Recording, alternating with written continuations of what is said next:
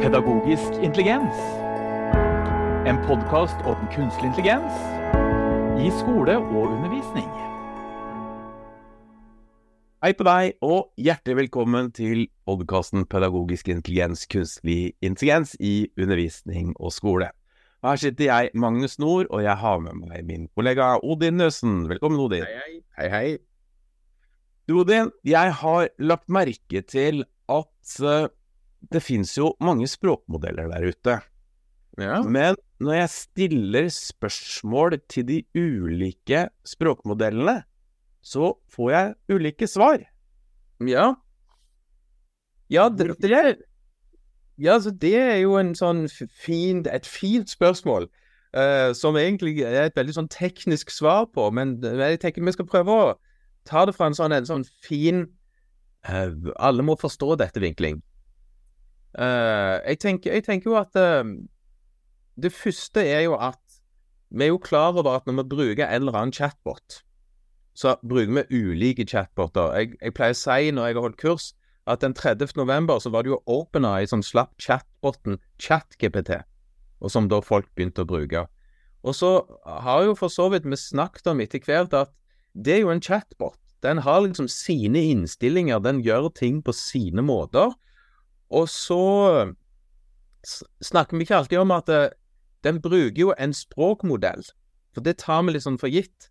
Og ChatGPT, den første utgaven, den brukte jo det som heter GPT35 Turbo, som er en språkmodell som er lagd av OpenAI.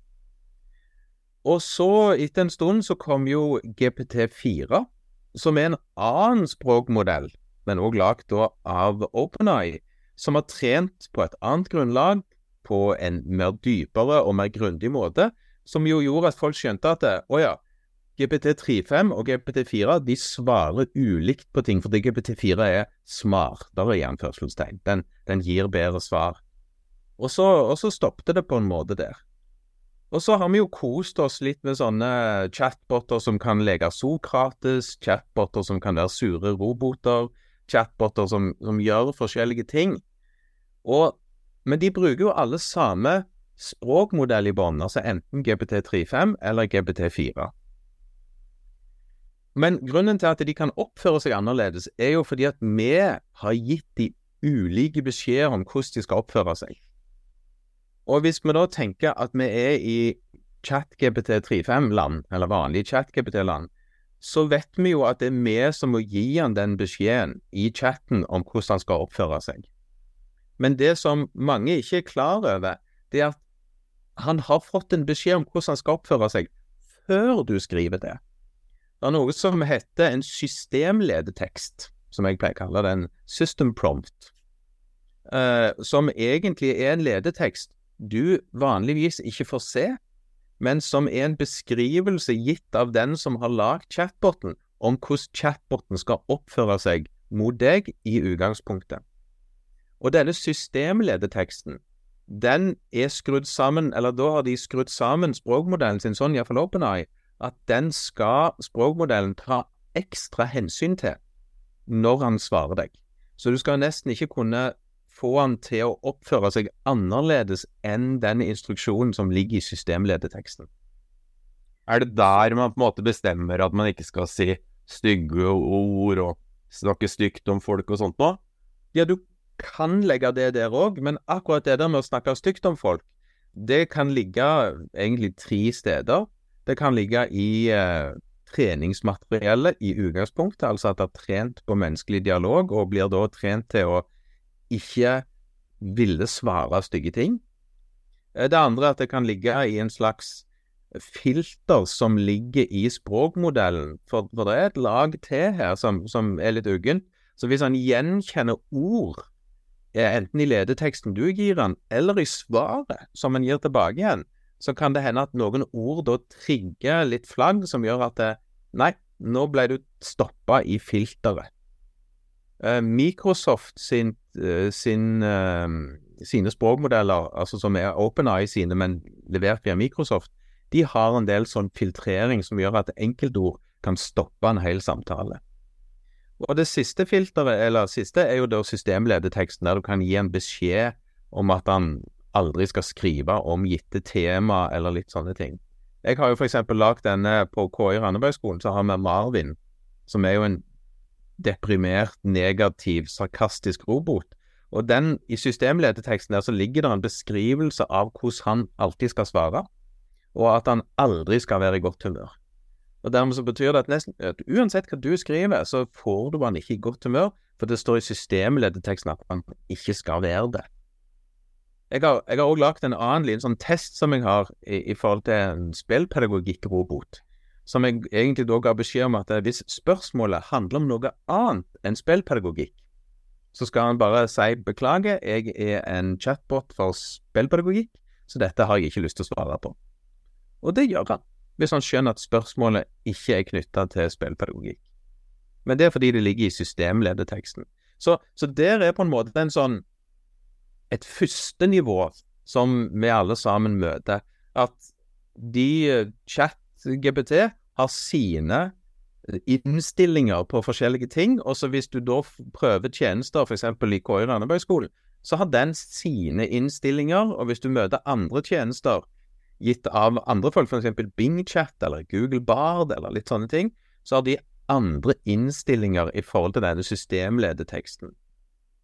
Og jeg har lært masse om språkmodeller av deg den siste uka, Odin, og, og fått en, en, dypere forståelse av hvordan de fungerer. Og nå skal jeg prøve meg som din apprentice og, og prøve å forklare dette på en pedagogisk måte, da.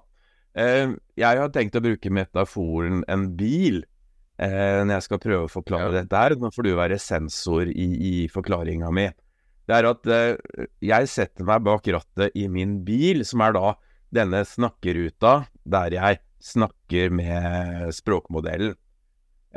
Og i denne styret, da, så gir jeg beskjed om hvor bilen skal kjøre. Hva vi skal snakke om, eh, skriver jeg inn. Og da tar jeg tak i, i rattet og gjør meg klar for, for, en kjøretur sammen med språkmodellen og botten. Eh, mm. Da skriver jeg inn en beskjed, og da går den beskjeden til språkmodellen. Eh, og det er typ den som er trenet opp av OpenAI. Hva er det riktig navn å kalle Kaller vi det språkmodell, Odin? Uh, ja, jeg, ja, vi kaller det en språkmodell. Mm. Ja.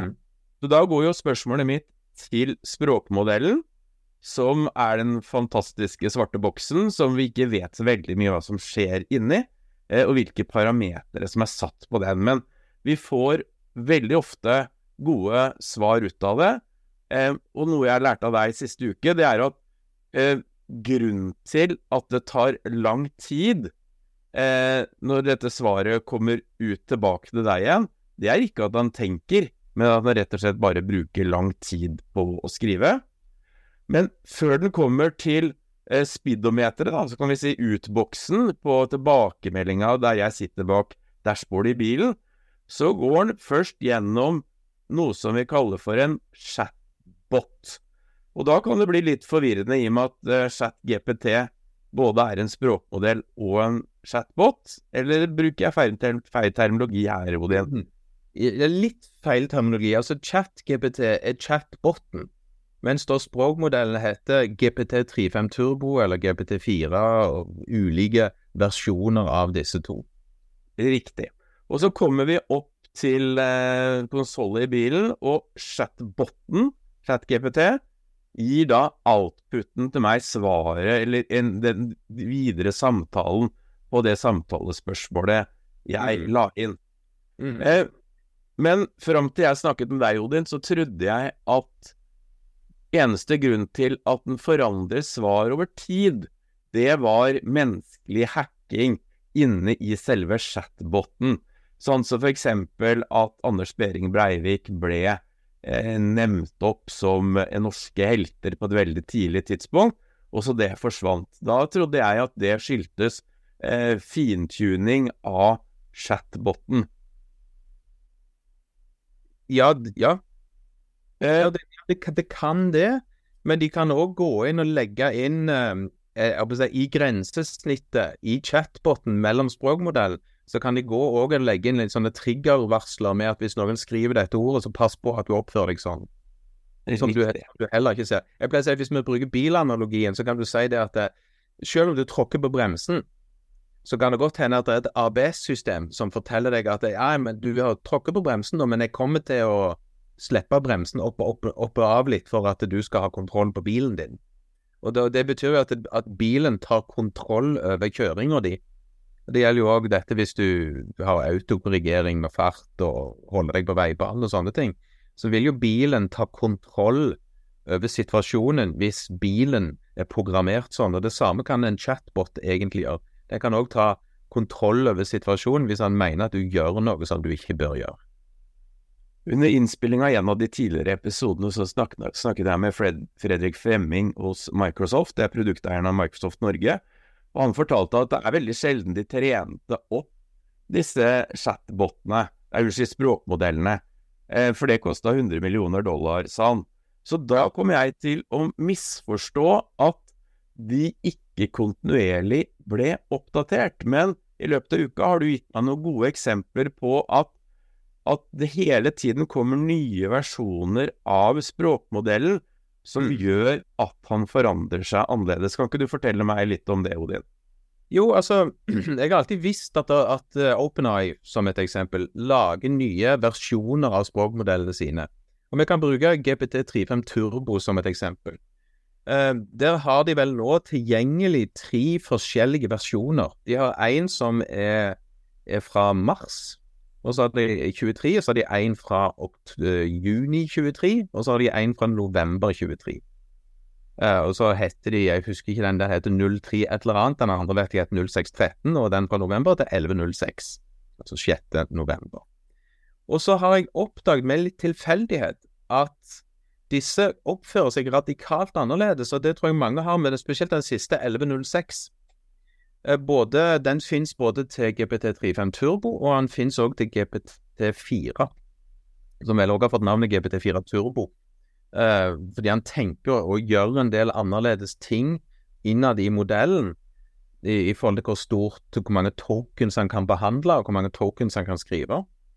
Eh, og jeg hadde sånne, av og til noen sånne standardsetninger jeg prøver til å forvirre en språkmodell. Liksom, hva kjønn skriver jeg egentlig nå? Er legen eh, bare sint på sykepleieren? eller noe sånt, så hun likte ham ikke. Og så prøver jeg å få han til å forklare hvem er hun og han, og litt sånne ting. Og så ChatGPT Nå sier jeg òg feil. GPT35 Turbo versjon 0613 svarer villig vekk på den situasjonen. Den beskriver uh, når personer er sinte på hverandre, konflikter på arbeidsplassen, bla, bla, bla, bla, bla, og setter det punktvis opp, akkurat sånn som vi vet at språkmodeller uh, gjør. Og så slo jeg over til 1106-utgaven. Akkurat samme oppsett på chatboten, siden det var i KI Randabergskolen, jeg har full kontroll over det. Jeg bare skifta versjon av GPT35 Turbo, og så skriver han da plutselig bare Eh, beklager, dette kan jeg ikke skrive.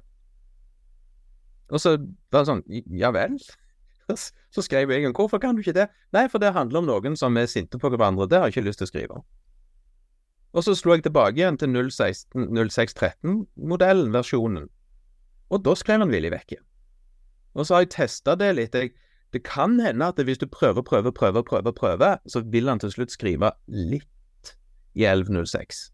Om, om han skriver mer enn bare det som 'beklager, jeg kan ikke skrive noe'. Men det var da jeg på en måte ble klar over at å, er det så store forskjeller mellom de ulike versjonene? Og så sjekket jeg litt på nettet, og så ser jeg at det er folk som òg melder at denne GPT4 1106 den er òg litt sånn vrang. Det er ikke alltid han har lyst til å svare på ting som en, den tidligere versjonen av GPT4 svarte fint på. Jeg tror jeg leste òg et sted at uh, OpenAI er også klar over dette. Så de òg jobber nå med å prøve å finne ut hva, hva er det som har skjedd i 1106 som gjør at han, han svarer kortere, han svarer knappere, det er ikke alltid han har lyst til å svare, på ting som den forrige versjonen var nokså ordrik i forhold til. Så, så, så bare der at det, eh, du skifter versjon av samme språkmodell, betyr en god del. Og så er det det at det, eh, hvis du bruker ChatGPT som chatbot, så får du ikke vite hvilken av disse versjonene du bruker. Så om du, om du nå sitter deg ned med ChatGPT og, setter, bruker 3.5, men du vet ikke om du bruker 0613-modell eller om du bruker 1106-modellen, Det får du ingen beskjed om, og du kan heller ikke bestemme det i ChatGPT.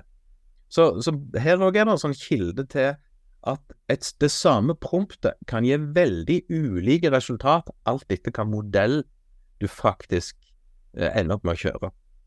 Det er jo veldig Det er veldig problematisk for sånne eh, administratorer som deg, som har API-tilgang til ChatGPT, så kan du se hvilken versjon som brukes. Men jeg som bruker, jeg vet jo ingenting om dette her.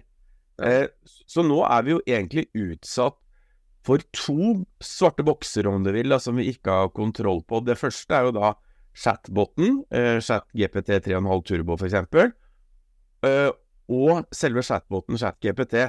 Begge de kan ha tuninger i seg som gjør at vi får forskjellige svar. Ja. Dette blir jo kjempeutfordrende for de som skal drive med business, og de som skal drive med undervisning. I, ja. For eksempel, jeg holder på å lage en modul nå om kunstig intelligens som jeg skal være ferdig med 1. mars. Eh, og der skal vi jo blant annet prøve et litt sånn grunnskurs i ledetekster.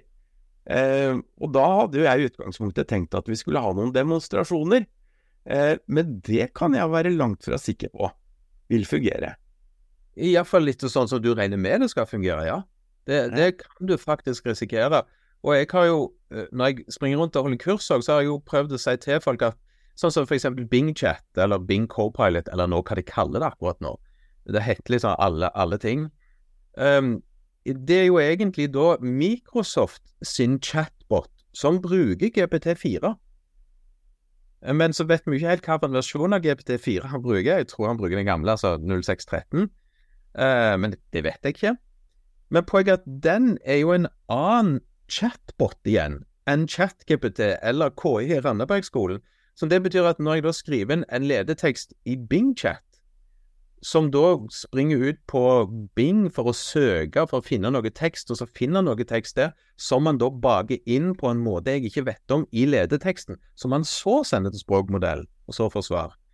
Da har jeg jo på en måte lagt på enda mange ledd eh, som jeg ikke aner hva, hva, Eller jeg aner ikke hva som skjer med det som den ledeteksten som blir sendt inn, og hvordan den ledeteksten blir bearbeidet når han kommer tilbake igjen til selve chatboten BingChat som blir servert til meg.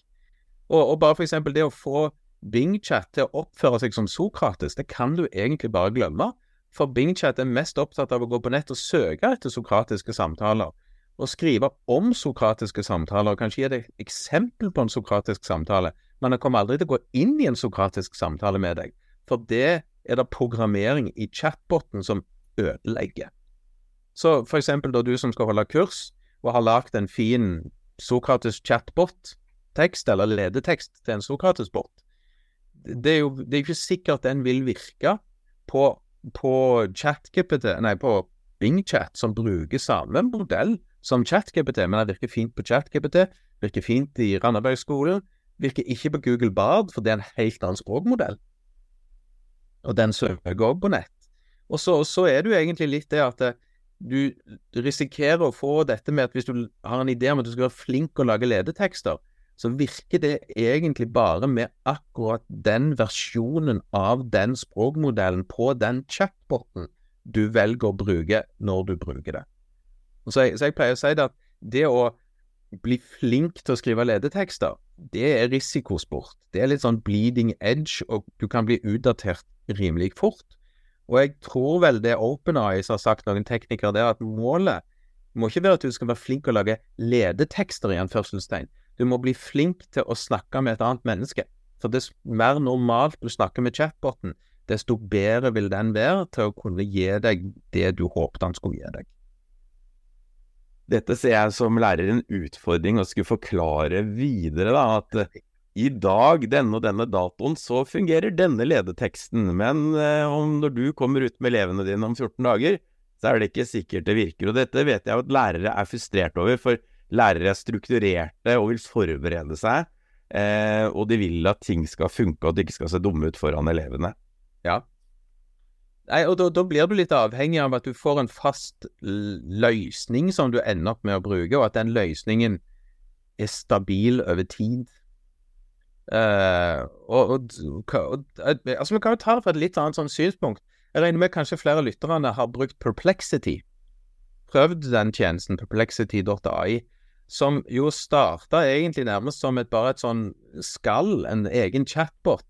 Der du skrev inn tekst, så gikk han på Bing og søkte etter teksten, fant aktuelle ting, som så ble sendt til GPT35 eller GPT4, alt etter om du har betalt for Perplexity-tjenesten eller ikke. Og så ser jo de òg at de er jo et, de er et firma, og at de har lyst til å tilby mer enn å bare være avhengig av folk. Så nå har jo de gjort seg uavhengig av Bing. De har nå lagd sin egen søkemotor, sin egen søkeindeks, som gjør at de har fått kontroll over den delen sjøl. Og nå har de da en stund òg tilbudt andre modeller enn OpenAI sine. De har jo tilbudt Antropic sin Claude, de tilbyr òg nå Google sin Gemini. Og så har de på toppen av det igjen eh, tatt noen av disse open source-modellene. Eh, det, det, er vel Lama, tror jeg de har tatt Lama 2, som Meta har lagd og sluppet åpen. Den har de tatt inn sjøl, lagd sin egen modell som de sjøl driver, som de har fintrent til det de trenger at han skal bli flink til. Og Dermed så betyr det at de har full kontroll over hva den språkmodellen svarer de. Og Dermed så blir de uavhengig av hva Google, Antropic og OpenAI måtte finne på med sine modeller. Og så gir de meg som sluttbruker mulighet til å kunne velge hvilken jeg, jeg har lyst til å bruke til det han skal gjøre. Men poenget er at de, uh, Perplexity tar kontroll med å drifte sin egen språkmodell, som de kan trene opp, og der de da slipper å få ubehagelige overraskelser hvis OpenAI eller noen av de andre endrer radikalt på sine modeller.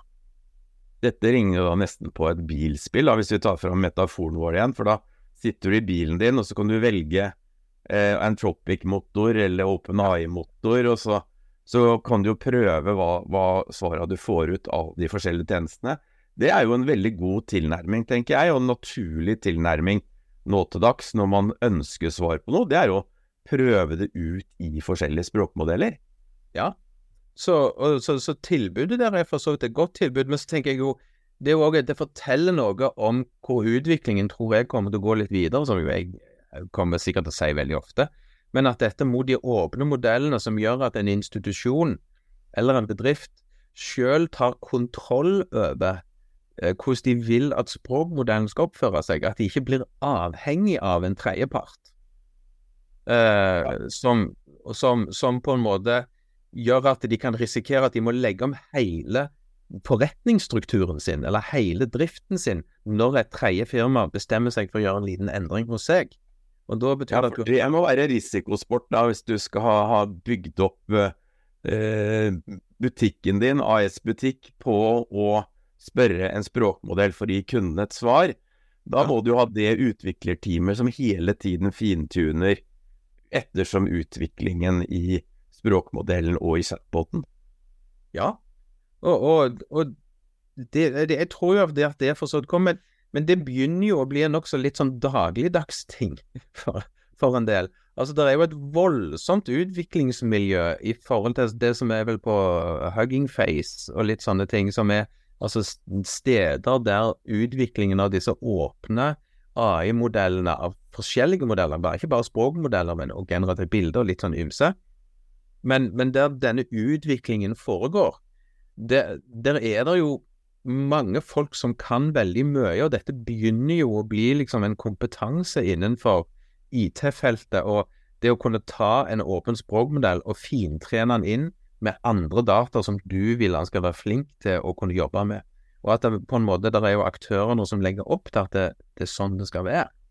Og så, så har jeg jo lyst til å løfte fram en modell som heter Mistral, fra et firma som heter Mistral, som, som er et fransk firma. Og de er vel ikke mer enn 13-ish pluss ansatte i det firmaet, og de har jo da klart å lage sin egen språkmodell fra bånn av som er bedre enn uh, ChatGPT35 eller GPT35 Turbo-modellen. Uh, som svarer bedre, svarer raskere, er billigere i drift osv. osv. osv. Og som da de òg har gjort helt open source. De har bare sagt vi har trent den, vær så god, her kan dere ta den, og dere kan gjøre akkurat hva dere vil med den. Uh, og, det, og, det, er jo da jeg tenker at når et 13-ish-mann-firma kan få til det, så betyr det jo at for et middels stort firma, så er det å drifte sin egen språkmodell ikke en utenkelig ting. Altså, når du har et firma som kan lage det fra bånn av på den måten der. Og nå kan jo et annet firma da bare ta det som andre har lagd, og pusse videre på det og forbedre det, det som finnes. Så, jeg tenkte vi skulle bevege oss, Odin, tilbake til, til skole. Eh, vi har berømma deg tidligere i podkasten for å være desidert første ut eh, til å gi elevene i Randabergskolen en, en språkmodell å bruke i undervisninga. For her må vi ha på plass databehandleravtaler, ROS-analyser osv. Nå, endelig, så begynner jo de fleste, eller ikke de fleste, men en del skoler i Norge å få på plass løsninger for sine elever og ansatte. Eh, hva er det som finnes der ute av løsninger? Det, altså Det som Jeg kan jo begynne med på hjemmebane. altså KI Randabergskolen finnes jo, og så måtte jo vi stenge den ned, for den ble så populær som den ble. Uh, men vi har jo delt den villig vekk, og det er flere kommuner som på en måte har tatt det vi har delt, og starta opp liksom sin variant av KI i Randabergskolen. Uh, og det er det faktisk flere kommuner som noen som er oppe og går allerede. Og det er flere som, som, som er på vei. Eh, men sammen med det, så er jo for så vidt Så kom jo NDLA rimelig tidlig på banen. Og, og har jo lagd sin egen chatbot som de tilbyr via NDLA. Så den er jo nå vel tilgjengelig for alle elever i videregående skole. Så, så jeg tenker at det, der er det jo et, et godt tilbud til lærere og elever i videregående, i det minste. Uh, jeg, har prøvd, jeg, har prøvd, å få tilgang til, til NDLA-siden og ennå ikke fått det, Odin. Vi skal ha en episode med NDLA om et par uker, der vi skal snakke om den uh, snakkebåten. Men du fortalte meg, for å gjøre det enda vanskeligere dette her, da, eh, som vi vanlige brukere ikke rår over, så finnes det en innstilling på en språkmodell som heter temperatur. Ja. Hva, hva har denne temperaturinnstillinga å si? Oh, da skal vi ta det litt tekniske først. Uh, når en språkmodell skriver, så skriver han jo stavelse for stavelse. Det at han, han, han prøver å forutse hva som er neste naturlige stavelse å skrive i forhold til den teksten som tidligere er skrevet. Uh, men det som han gjør hver gang når han skal finne ut hva skal jeg nå skrive som stavelse, så har han et lite sett med stavelser som han kan velge mellom, som er statistisk mest sannsynlig at jeg bør skrive. Eh, for hvis du, hvis du skriver f.eks. 'Lisa gikk til', så vil han mene at det er 47% sannsynlig at Lisa går til skolen, og at det er 7, nei, at butikken, mens det er 7 sannsynlighet for at du går til skolen. Så hvis han hadde alltid valgt det mest sannsynlige, så går Lisa alltid til butikken. Og hver gang du skriver 'Lisa gikk til butikken', 'Lisa gikk til butikken', 'Lisa gikk til butikken', og det er jo kjedelig. For det betyr at da vil han alltid skrive det samme med den samme teksten som utgangspunkt. Men så innfør, så er der, ligger det i alle disse modellene det som kalles temperatur. Og Det betyr at det, den går fra null til én. Null, da velger han bare det som er mest sannsynlig. Da går Lisa alltid til butikken. Men dess mer temperatur du hiver på, desto større mulighet gir du han for å velge det som ikke er mest sannsynlig at skal være neste ord. Så når temperaturen da er 0,8, som ble min innstilling, som jeg liker veldig godt, jeg tror det er den de bruker i ChatGPT òg, så er det da større sannsynlighet for at han òg kan finne på å velge skolen istedenfor butikken. Og kommer du temperaturen opp i 1, så begynner han å velge rimelig fritt fra den mulighetsrommet som det er oppi dette. Og så har jeg jo da sett, når jeg, for jeg fikk tilgang til en liten stund, den var åpen en liten periode, og så prøvde jeg noen av de vanlige tekstene jeg pleier å skrive, og så oppdaget jeg jeg syntes han var litt kjedelig. Og av og til så nekta han å være med på litt sånne eh, sprø ledetekster. Jeg, jeg har en der jeg ber han om å lage en nyhetsartikkel som forklarer hvordan eh, kornsirkler, pyramider og Bermudatriangelet henger sammen. Altså hva er det som er fellesnevneren for dem. Og når temperaturen er 0,8, så forklares det villig vekk i en flott nyhetsartikkel. Så oppdaget jeg at NDLA sin chatbot, den ville ikke det. Den mente at disse hadde ingenting med hverandre å gjøre, og så han ville ikke skrive en nyhetsartikkel om det. Og da gikk jeg inn og kikket og fikk vite at temperaturen er 0,5, og han har òg en ledetekst som kan gjøre han litt nøytral, for han har fått beskjed om å skrive til elever eller være veldig sånn ryddig i forhold til lærere og faktastoff og sånne ting. Så, men det var helst den temperaturen som vi fant ut gjorde den endringen, at det ble litt tørt og litt sånn kjedelig skriving. Og bare det da, å ha temperaturendring fra 0,8 til 0,5 gjorde store endringer i hvordan botten oppførte seg. Veldig, veldig spennende. Kan man si at det er liksom jo høyere temperatur, jo mer kreativ? Ja, det er lov, det er lov å si det sånn i korte trekk. BingChat har jo det innebygd. Den har jo en sånn der prøv å være ikke så veldig kreativ, midt på kreativ og, og veldig kreativ. Og det er den temperaturen som da blir endra. Men hvorfor setter ikke du da din eh, randaarbeidsskole på én? For da kan en begynne å skrive ville ting. Altså, da, da, får du det som jeg kaller konfabulering, som andre kaller hallusinering. Jeg, jeg liker ikke ordet hallusinering, for da er det noe galt et eller annet sted, og det er det ikke. Men de konfabulerer. Du, du gir dem egentlig beskjed om fabuler sammen med meg. Hvis jeg gir deg en tekst, så skriver du videre på den teksten, og dess høyere temperatur, dess vidlere skal du få lov til å være. Og Det betyr at han da lettere skriver ting som ikke stemmer med virkeligheten, og han kan òg, hvis du skriver på norsk, slå over på andre språk. At han, plutselig så begynner han å skrive dansk, eller han skriver mer skrivefeil og litt sånne ting. For da velger han sannsynlige ord og stavelser som ligger så langt vekke fra det han burde skrive, at han da begynner å skrive faktisk feil. Apropos dansk, eh, Odin, så var jeg inne og prøvde uh, hva Er det skole-GPT den danske versjonen heter? Ja. Og den er jo åpen. Og det som jeg syns var spennende med den, det er at der kan jo brukeren få lov til å stille temperatur selv. Ja.